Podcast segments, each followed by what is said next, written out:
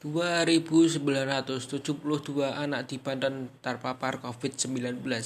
Sepekan bertambah 96.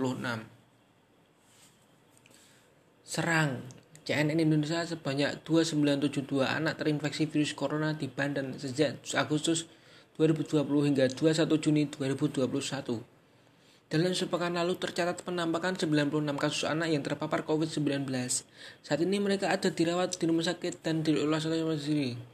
Tercatat, kota Tangerang ada 53 kasus dengan rincian 13, 13 orang dirawat dan isolasi mandiri.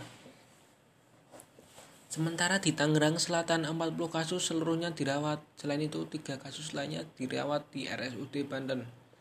Sementara pasien yang meninggal 12 orang. Periode Agustus 2020 sampai 2021 total 2972 tambahan satu minggu lalu 96 kasus anak-anak itu umumnya tertular dari orang tuanya yang terkonfirmasi pas COVID-19.